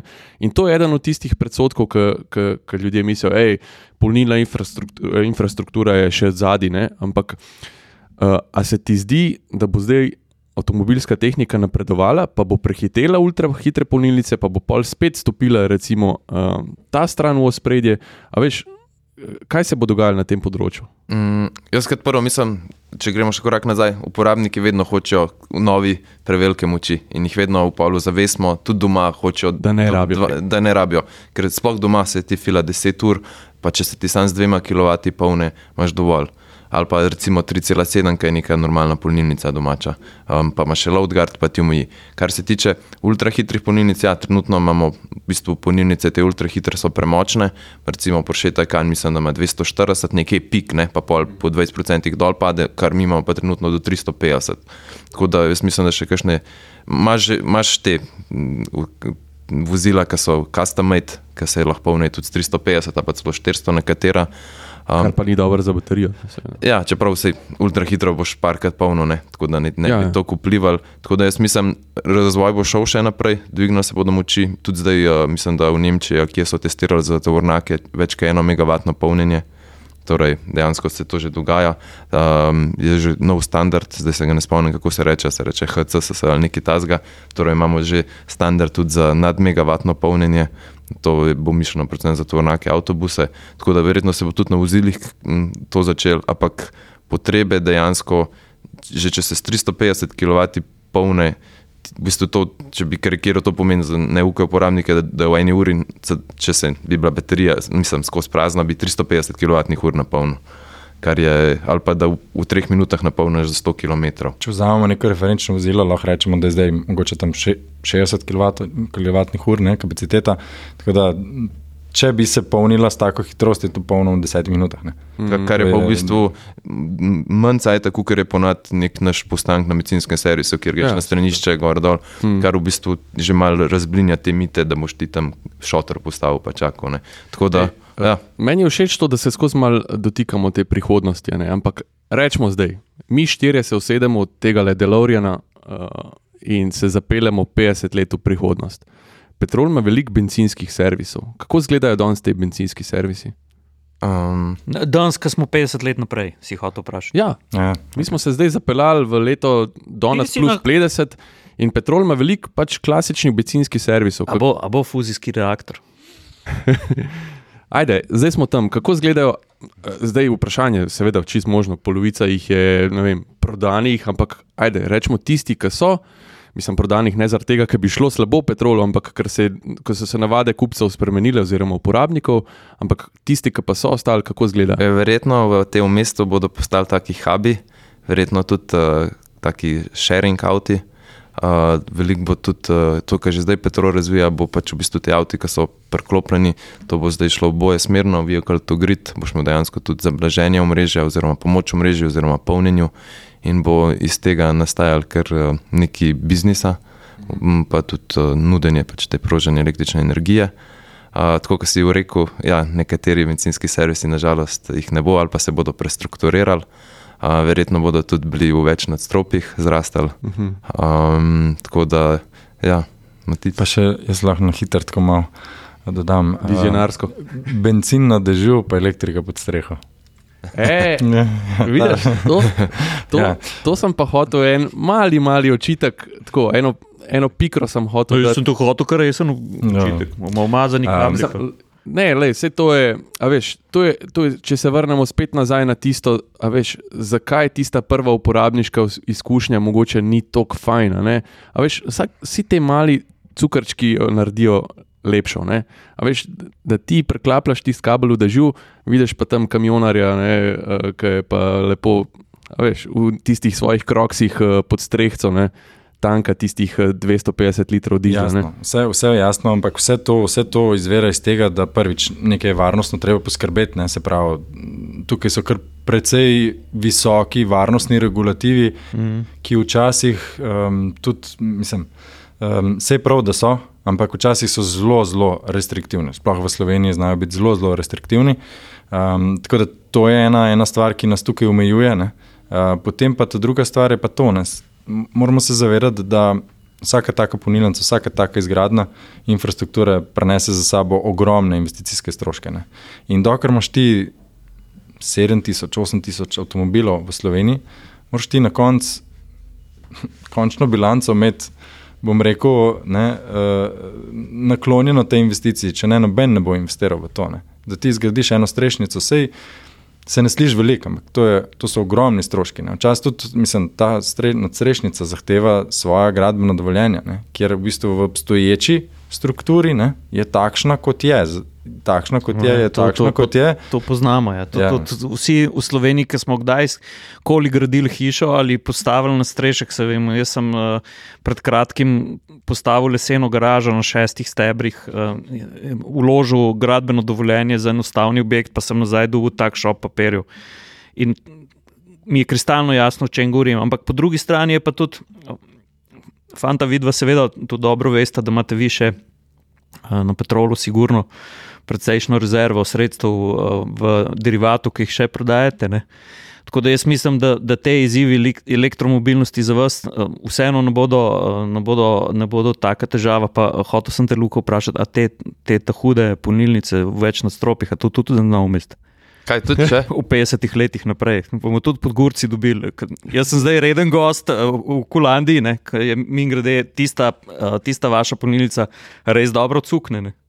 In polet sem se tako, moram vam povedati, tudi malo iz Ferbca vozil mim. Zato, ker so res najboljši električni avtomobili tudi iz tujine tam stalne. Ker um, tista polnilnica za šalo cukne 160, 130, 120, 190 kW. ne. Um, Jaz, pa kar si jo lih omenil, jaz imam samo en, en, en, eno, eno malo tako, uh, en mali nasvet. Dajte eno tablo, kje se nahaja tista polnilnica. Tako, se vem, da te navigacija načeloma prepelje, ampak navigacija te lahko pele tudi čez tiste prve uvoze za Kulandijo, ker je, ker je polnilnica vseeno malo tam od zadaj skrita. Če se da, spet vem, gradbena dovoljenja in take stvari, ampak tako, ena tabla polnilnica je tam od zadaj. Jasno, to, to, to imamo kar doskrat težavo. No, tudi Hudiče še to, ne, ker nimaš prometnega režima, oziroma ga Google ali navigacijska naprava ponovadi ne pozna. Ne. Uh -huh. torej, se pravi, če imaš ti nekje enosmerno, po nekih takih, mislim, če bi bil v mestu, bi Google vedel, da je to enosmerno. Uh -huh. Ko pa pride do nekih teh dovoznih poti, pa tega ne, takrat pa to odpove. Uh -huh. In včasih te pele okoli riti v žep. Zato mi doskrat, bom rekel, ko zvemo nekaj tazga prvič. Prilagodimo, seveda, v, v, bom rekel, z nekimi točkami, koordinatami, tako da, da, je, ja, da to uporabnik res pride ne? in mi to tudi testiramo. Seveda, želimo počasi tudi table, je pa tako, da sploh recimo v tem primeru to ni naše zemljišče. Ne? Tako da treba se zavedati, da veliko krat ne, ni to naše zemljišče in je tukaj v zadnji, mora biti tisti, ki je lastnik, mora biti naklonjen Ne, ne, temu, da ti postavljaš table. ne. Se, se, Ja, to v Sloveniji je sigurno izziv. Se zavedam tega, ampak sam, a, veš, jaz skozi mal hočem vse te zadeve prenesti na tistega malo bolj povprečnega uporabnika. A Veš, jaz vam odpiram pot do uporabnikov, ki bojo nekoč postali uh, del e-mobilnosti. Vse to je, lej, tudi mi tako razmišljamo in vse te stvari, ki jih ti poveš, ne so nam že znane in tudi delamo na njih in jih hočemo popravljati. Ne. Tako kot sem ti prej rekel, želimo, želimo priti do vsakega uporabnika, ne, da bo Ja. ja. vsakmu jasno. A Veš, iz novinarskega vidika, ne, jaz doskrat rečem tako, ni, ni um, kritika ali pa pribijanje na križ. Jaz še vedno pravim, tudi zadnjič smo v vodu se pogovarjali. Zelo pomembno je, da imamo mi močno nacionalno energetsko podjetje ne, ali pa več njih. Ker smo videli, eh, kaj se je zgodilo, ko smo izgubili nacionalnega prevoznika letalskega. Ne. To, to niso heci in, in uh, sem zelo vesel. Obenem pa, veš, ta konstruktivna kritika, to se je pokazalo tudi v avtomobilski industriji. Ne. Veš, vedno, ko smo opozarjali na neke napake, so se izboljševale. Ne? In mi smo bili tisti prvi filter. Ne?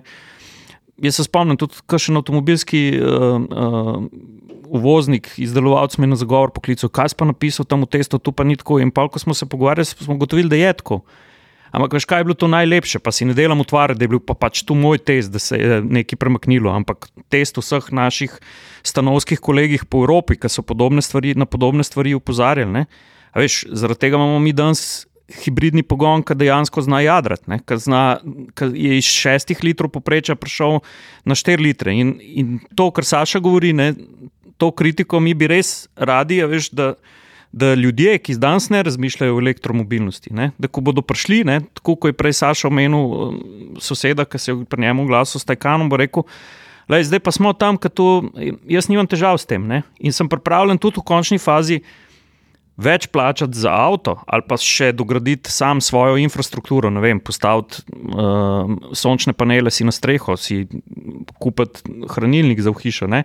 zato ker te stvari uh, štimajo. Ne? Imajo, ja. Zdaj pa eno, eno še vprašanje, oziroma en mit bi razbil z vama, če mi boste pomagali. Doskrat velike, sploh v današnjih časih, ko imamo to energetsko krizo, ko imamo te neljube dogodke v naši bližini in tako naprej, ko imamo tudi politično merjenje mišic glede pretoka energije in tako. Uh, najbrž je zmotrno mišljenje, da več, ko bo električnih avtomobilov, cenej bo benzin pa dizel. Ne?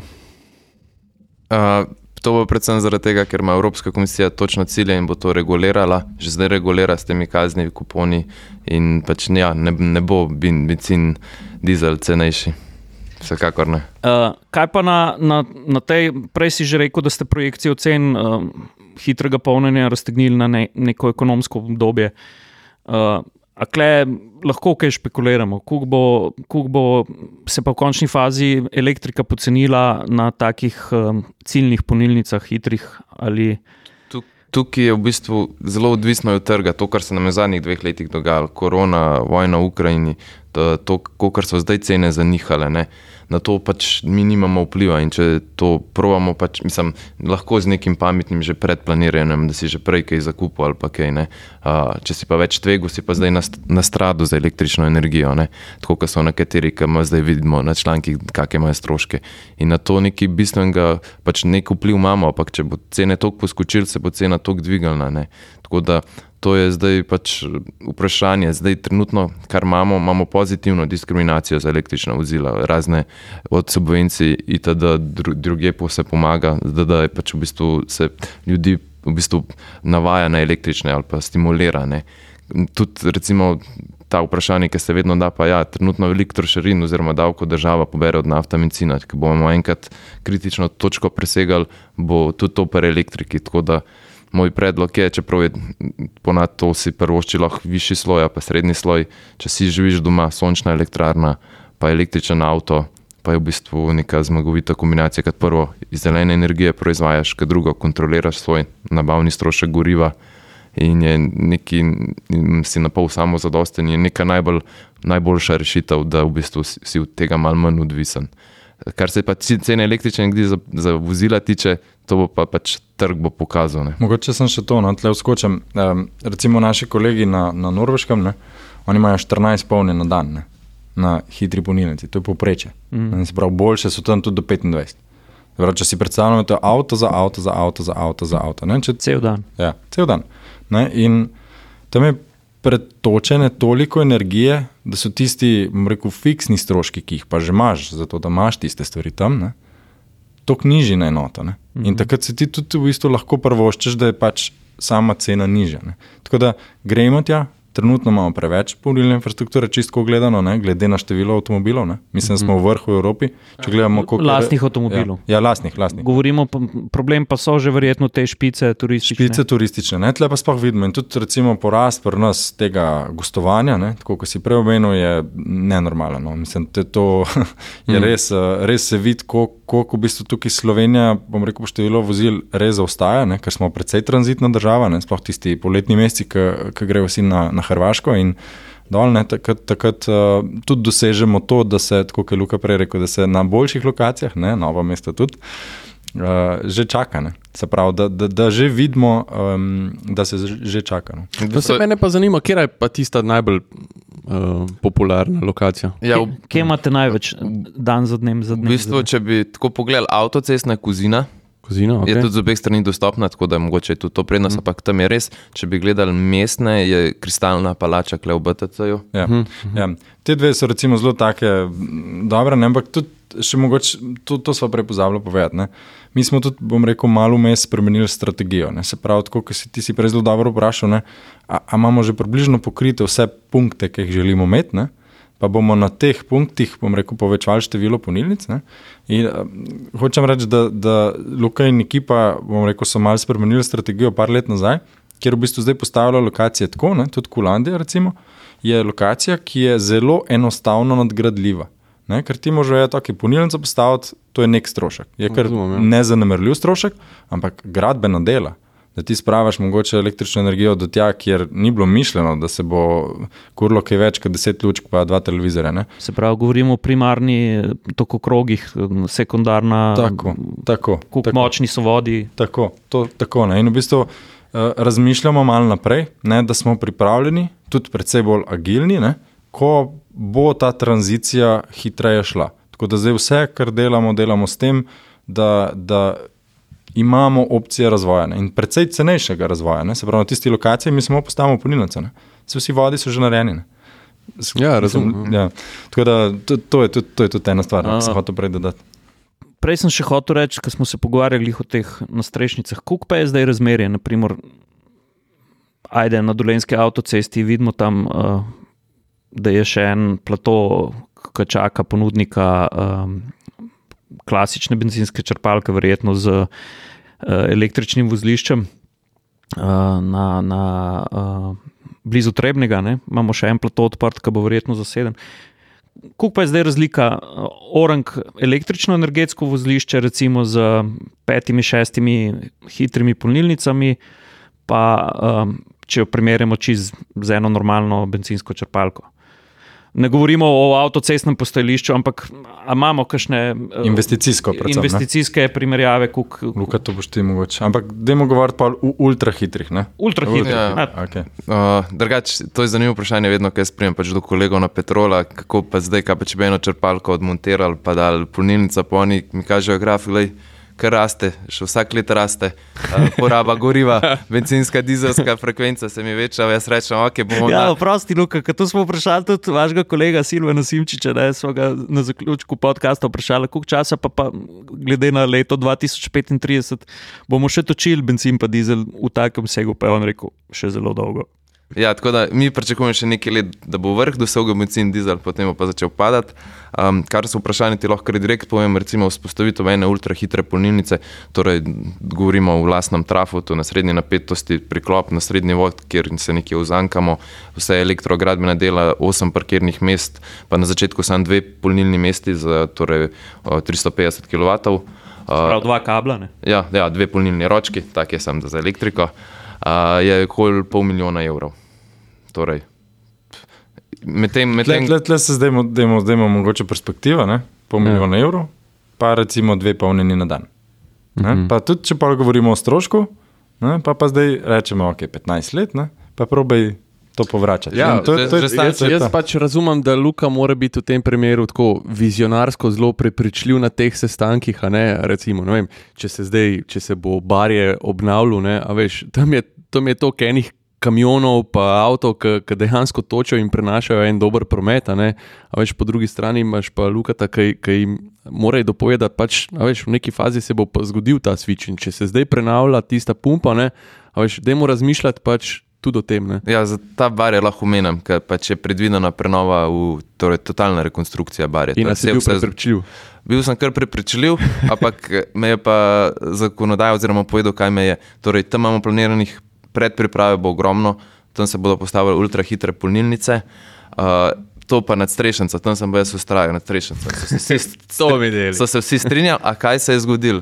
ker je to tako blizu Ljubljane, je to pod, spada pod OPPN, torej ta občinski prostorski Aha. podrobni načrt. O moj bog, In ne, čutim in, težave. in, in ne predvideva nadstrešenc, tako so meni z investicij. In za, za to fazo, da se sploh prenova naredi, in kot jaz vem, da se pa OPPN spremeni, pa traja kar dolg. Uh, in niso imeli predvidene strešence, in smo, so jih črtali ven. Torej, Da vam, da vam, da vam povem, no, recimo, če se za primerjavo. Ne, v Srbiji imamo uh, en, bom rekel, park, ki ga nimamo niti v Sloveniji, niti na Hrvaškem. Ne. Sicer upravljamo z njim, ampak to je, se pravi, tri ultrahitre polnilnice, pa tri hitre, ki so do 100 kW. Ne. Potem je strešnica, čez celo, ne, in pa potem zraven gor, sončna elektrarna, pa baterijski hranilnik v Srbiji. Ne. Je bilo dovoljenje tako, da dobiti. Točno to. Ne. se, se, to. se, Halo, Vučko, uh, Ne, ja. nekaj imamo za rešiti. Saj tudi uh, iz Beograda v Novi Sad prideš v 40 minutah s novim vlakom. Ne? 200 leti za šalo. Ne? Se- Ampak to je, a veš, kle smo zdaj glih pri tej spet političnem angažmaju. Ne? Vsi ti odločevalci, pa kle vidimo tudi na lokalni ravni, ki smo jih zdaj volili.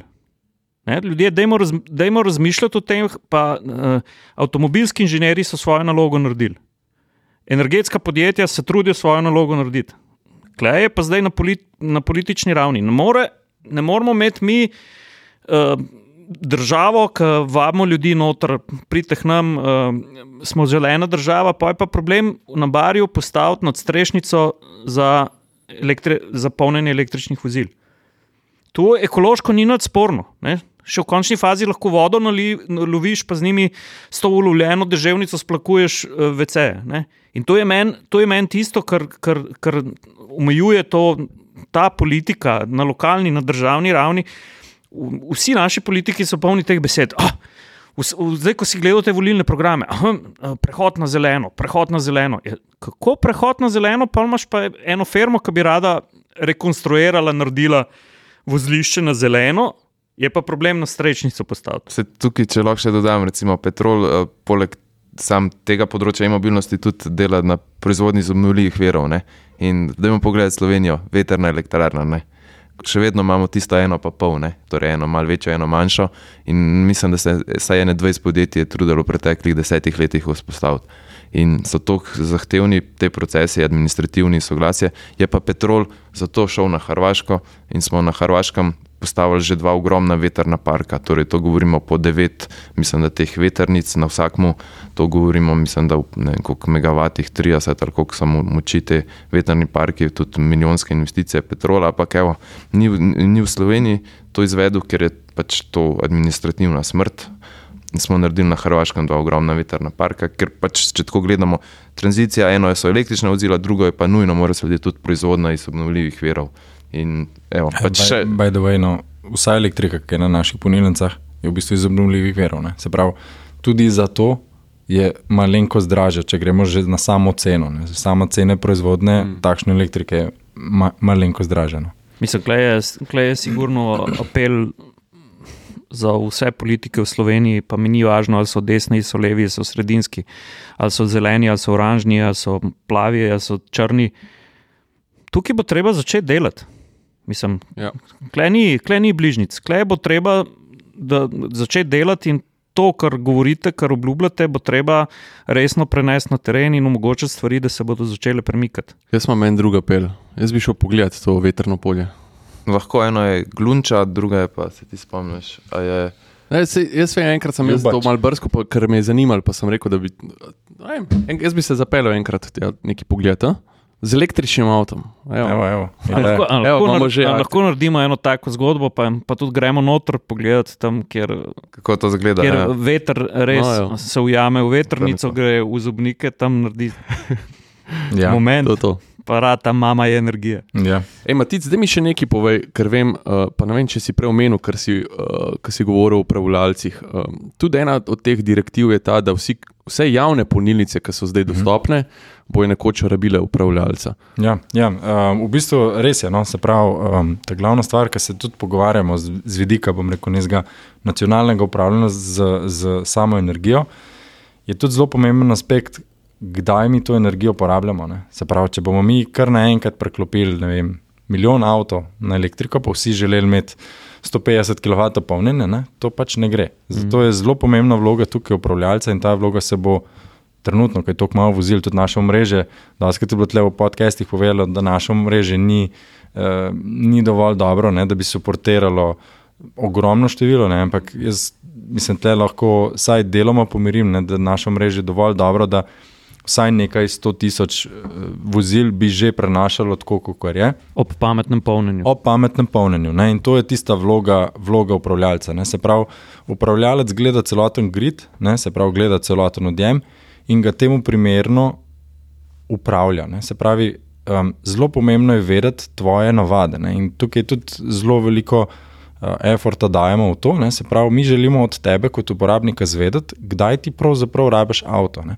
in to tvojo potrebo. Recimo, jaz ne vem, rabim, karikiram zdaj čisto, ampak recimo, ob 8 zjutraj jaz vem, da rabim avto za 250 km, ker grem v Maribor, pa ne vem, bom tam še preklopil nekaj na javno in potem bom šel nekam še, recimo, nazaj. Uh, in če ti avto prepelaš domov ob petih, ne, ko si otroke pobral v šoli in ko si, uh, bom rekel, opravil še uh, nakupovanje, ne, se prepelaš domov ta avto se ne rabi začeti takoj polniti, ker ti tega avta ne potrebuješ takoj. In če jaz lahko ta tvoj load, ne, v bistvu ta, ta, ta, um, to, um, to moč znižam in ti pripravim avto, da bo ob 8 tebe čakal tok, kot rabiš, ne, uh, na neki tej mikroravni.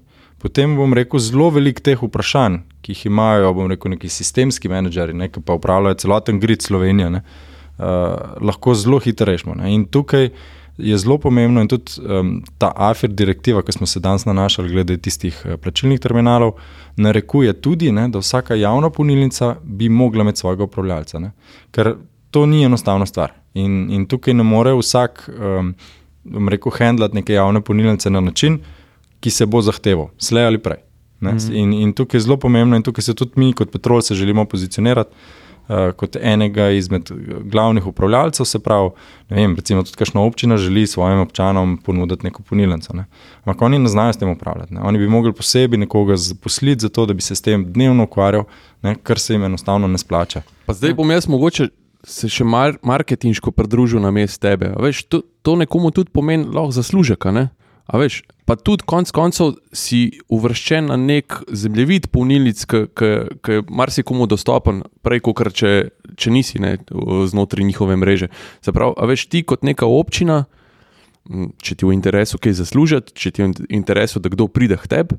Uh, se boš znašel na petrolovem zemljevidu, pa še nekaj imaš od tega, ker tisti, ki bo preklopljen, a veš, na koncu gre denar tudi tebi. Pa predvsem moraš se znajti na zemljevidu. Ne? Zdaj, tudi mi, ko govorimo, vidva sta tudi prej rekla, ne? v Sloveniji imamo dejansko sploh teh uh, uh, javnih električnih polnilnic na izmeničnem toku, se pravi, uh, ACA jih imamo res veliko. Ampak veliko imamo tudi enih takih, ki so v nekih občinskih upravljanjih in ti se tja propeleš in nimaš niti kontaktne številke. Pač vidiš tisto obledelo Belendo, vidiš zaslon, na katerem noč ne piše, probaš vtakniti in se nič ne zgodi. In to je neka infrastruktura, ki je sama sebi namen. In to je pa problem tega, kar si jih rekel, ker ni odzad nekega upravljanja. Ne? Jaz sem povedal že anekdoto, ko sem se pripeljal po letu v Kolandijo. Prslonil sem kartico, ni, ni mi dalo izbere, se pravi, identifikacije s kartico. Jaz sem poklical na telefon, zraven je sosedna hitra polnilnica, vaša je imela isto težavo. Ne? Zraven je bil en nemški par z Mercedesom EQE, sta me vprašala, mi smo zavrteli telefonsko številko, v, v dobrih desetih minutah je stekla polna polnilna moč, zato ker je odzad upravljalec, ki ima sistem.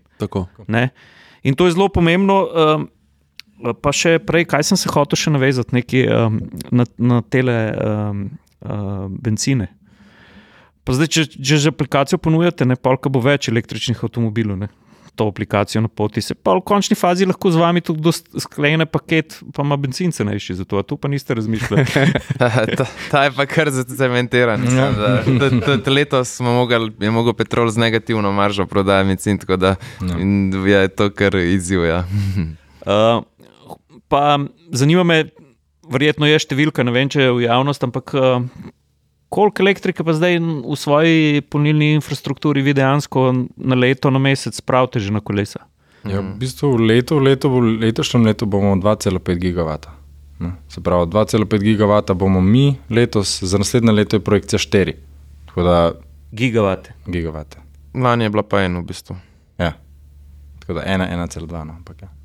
To je, to je kar, mislim, Praktično se zaenkrat poveča. Se razvija, Vsak- se vsako razvija, zelo se razvija in tudi bom rekel, Sem mislil vprašati, če smo presegli mejo gigavata. Pa, a, a tako je to zdaj? ja, tako je to. E, čist še eno tako vprašanje, a se, ker najbrž imate v pogledu to, a se je kaj povečal promet tudi na račun tega, da je drug ta ponudnik začel zaračunavati zdaj storitve? Ja, začel je od 1. novembra. ne. Ja. A, začel je od 1. novembra, se pravi. Ja, uh, bomo rekli, da se malo pozna, uh, ampak zaenkrat še ne tako bistveno, no, pa tudi če ni toliko časa minilo, da bi, da bi to konkretno opazili. Ja. Ja. Uh, ampak jaz mislim, da smo tukaj mogoče, vsi ponudniki, ki smo, um, ki smo to ponujali, ne, tudi mi smo imeli zastojn do mm, 15.2.2021, uh, smo imeli tudi mi vse AC-je uh, uh, zastojn, ne, te počasne polnilnice, ampak se mi zdi, da včasih mogoče smo pri temu, pri uporabnikih, mogoče dali napačno sliko. Ne, se verjamem, da so vsi hvaležni, ker smo to na tak način počeli in smo tudi, bom rekel, mi prispevali k temu, da se je elektromobilnost mogoče malo hitreje razvila, pa da je kdo prej pomislil, da bi to začel. Ampak vseeno se mi zdi, da smo si naredili kar eno tako krvavo uslugo. No? Ker, ker danes pa je veliko takih uporabnikov, ki pa kar pričakuje, da bo, da bo vse stvari zastojne. Ja, Prav, da bo on v bistvu polno na javni ponudnici za recimo 1,22 evra na, na, na mesec in da bo neomejeno praktično polno. Ne. Doma mu je pa logično, da sušilc, uh, ki je preklopljen na elektriko, plačuje. Ne? Seveda, pa pravni seveda, stroj. Ne? seveda ne. Ja. Pa noben ne razmišlja o tem, da bi ga preklopu. Imamo, tu imamo isto težavo, tudi vsi ponudniki vsebin. Ker v Sloveniji je bilo na internetu veljalo od samega začetka. Jaz se spomnim, ker sem otrok digitalnega medija. V Sloveniji se za, vse, za nobeno vsebino noč ne plača. Uh, in ja, Ja, to, je, to, to je težava. Ja. Pripravljen si dati Netflixu, ne vem, koliko na mesec. 12 evrov na mesec, ne sem, da imaš tisto, a tle pa nobeno. ne. Mislim, in in ta, ta, ta mentaliteta včasih, mislim. Malo se sprašuješ, pol, pol kam ja. to vodi, ne? in v bistvu s tem se kar dosta ukvarjamo. Zato pa mi nobenemu rok ne zvijamo, ampak lej, če pa slučajno kdo zavije v spletno trgovino, pa si vzame naš uh, kos mrča, tako da hvala. Ej, a smo redi za zadnje atmosfersko vprašanje? Jaz mislim, da smo. Uh, Lej, pač, uh, vsak, vsak dobi isto, tako da uh, vajen prvi avto. Ne, kar ti začne. Evo, ja, lahko bi rekel, da nimam prvega avta, ker jaz ga nisem nikoli kupil. Imam pa, je pa, vozim pa zdaj avto, ki ga je moj dedi kupil, star je že 22 let, nisem Almera uh, in uh, sicer ima sam 105 tisoč km. Tako da večinoma kolo uporabljam po mestu, ampak ja, če ga pa kaj rabim, ga Lepa zapuščina. lepa, a už prodal, kaj je to? Ne, zaenkrat, ker je tako lepo ohranjen, ga kar čuvam. pa A je ena pet dizel ali je benziner? Bencinar. A je bež notranjost? Um, kaj če? Če, če je bež notranjost. Almere so imele ful lepo bež notranjost. Pa ne, mislim, Ni, je črna. Črna je. Ja. Okay. A, Matic, ja, uh, Renault Clio 1.2, 203, uh, mislim, eh, 2004 letnik. dolenček. Ja, tako. Uh, ja, kaj ne rečem. No. Lepo. Nikamor ni šlo, bil je take grozne zelene barve, uh, ki se je že kar malo lušila, ampak Je uh, bil pa simpatičen. bil pa je prvi avto, pripeljal bili je da dobro. sta dve zeleni, bila je ala British Green, pa tista malna turkizno, ki vleče. V bistvu je bila, ja, jaz mislim, ampak ni bil čist British Green, pri tem 2-3 je bil. Ma Ne vem, če bi tisto glih, ni Ni. taka British Racing Green, ni tisto Aston Martin, ampak je je bilo bil. pre, pred letom 2000, vem, Ja, ja, kje ti ja, misliš. ja, Ko so bili mislim, RTI. Ja, Ja, ja. Metalik je bil. Aha, okay. ja. Ta je bila taka, neki arjava zmešana. Tako. Ej, no, mor, vsak, z vsakim letom je bolj arjav, ratval, pa ne. um, nekaj moramo še razčistiti um, pri tem prvemu, ki so le fanti, New Age. Ne? Ja. Kaj pa prvi kolo? Prvi kolo, jaz sem pa tekmoval s kolesi, ja, tudi gorsko. Ampak prvi je bil, mislim, ja, veš, da ne vem, po mojem prvi je bil neki, na, neki majhnega. Ne. Poni. Ampak Po mojem, da je bil res poni nek unu za otroke. A pa si imel štango zašvasano čez, ali ne? Nisi. Po mojem, da ne. Jaz Da sem si štango na zas- zašvasil čez, da je bil bolj trd. a veš. Sem pa zdaj lasnik enih štirih koles, ker vozim od downhilla, dej, desne to, to je udar, ki me pa res zanima. A ne bi videl to potem, ko je Ne, tu stolo. moram povedati. Lej, pač, Lej, n- Ni pravil. Ni pravil, nova generacija, lej, ko se nasmejejo, prej se od točke A do B ni smejal, ker jaz imam bicikl od točke A do B, on ima pa avto, ampak lej, zdaj se je pa nasmejal. Ajde v strel. A kjer je? Ja. Ja. ja, za v bistvu enduro imam Giant Train, ne? uh, pol imam eno specialko, ki jo vozim, uh, pomem še enega trdaka, tu Gianta, to je malo za skoke, drte. Kaj A- trdaka? Ja, jaz kako se temu reče, to je v bistvu za skoke, kjer je ravninska proga in ne rabiš. Medtem, ko za to enduro imaš polno Aha, zmeteno okej. kolo z najmanj 17 Ja, zdaj cm vem, hoda. kaj je trdak. Stari, da ni sram, pa golovc imaš pred vrati. Ja, pa veliko se na No, golo da- naprej. Ja, pa imam pa še eno mestno kolo, ki ga pa pač uporabljam po mestu. E, kjer- tega, kar smo videli. Ja, tako je. Evo, to je to. To je to. Matic, uh, Luka, full hvala. Jaz sem užival, pa full hvala za pištolo. Z veseljem. Tudi mi je so ful uživala. Jaz ti, Drži. drugače vam pa povem, čist, po- vam lahko nekaj zaupam, čisto po pravici. Uh -huh. Jaz sem zagovornik raznolike mobilnosti, kar sem že večkrat povedal, tako da bom to še dolgo uporabljal. Ajde, čau. Čau. Čau.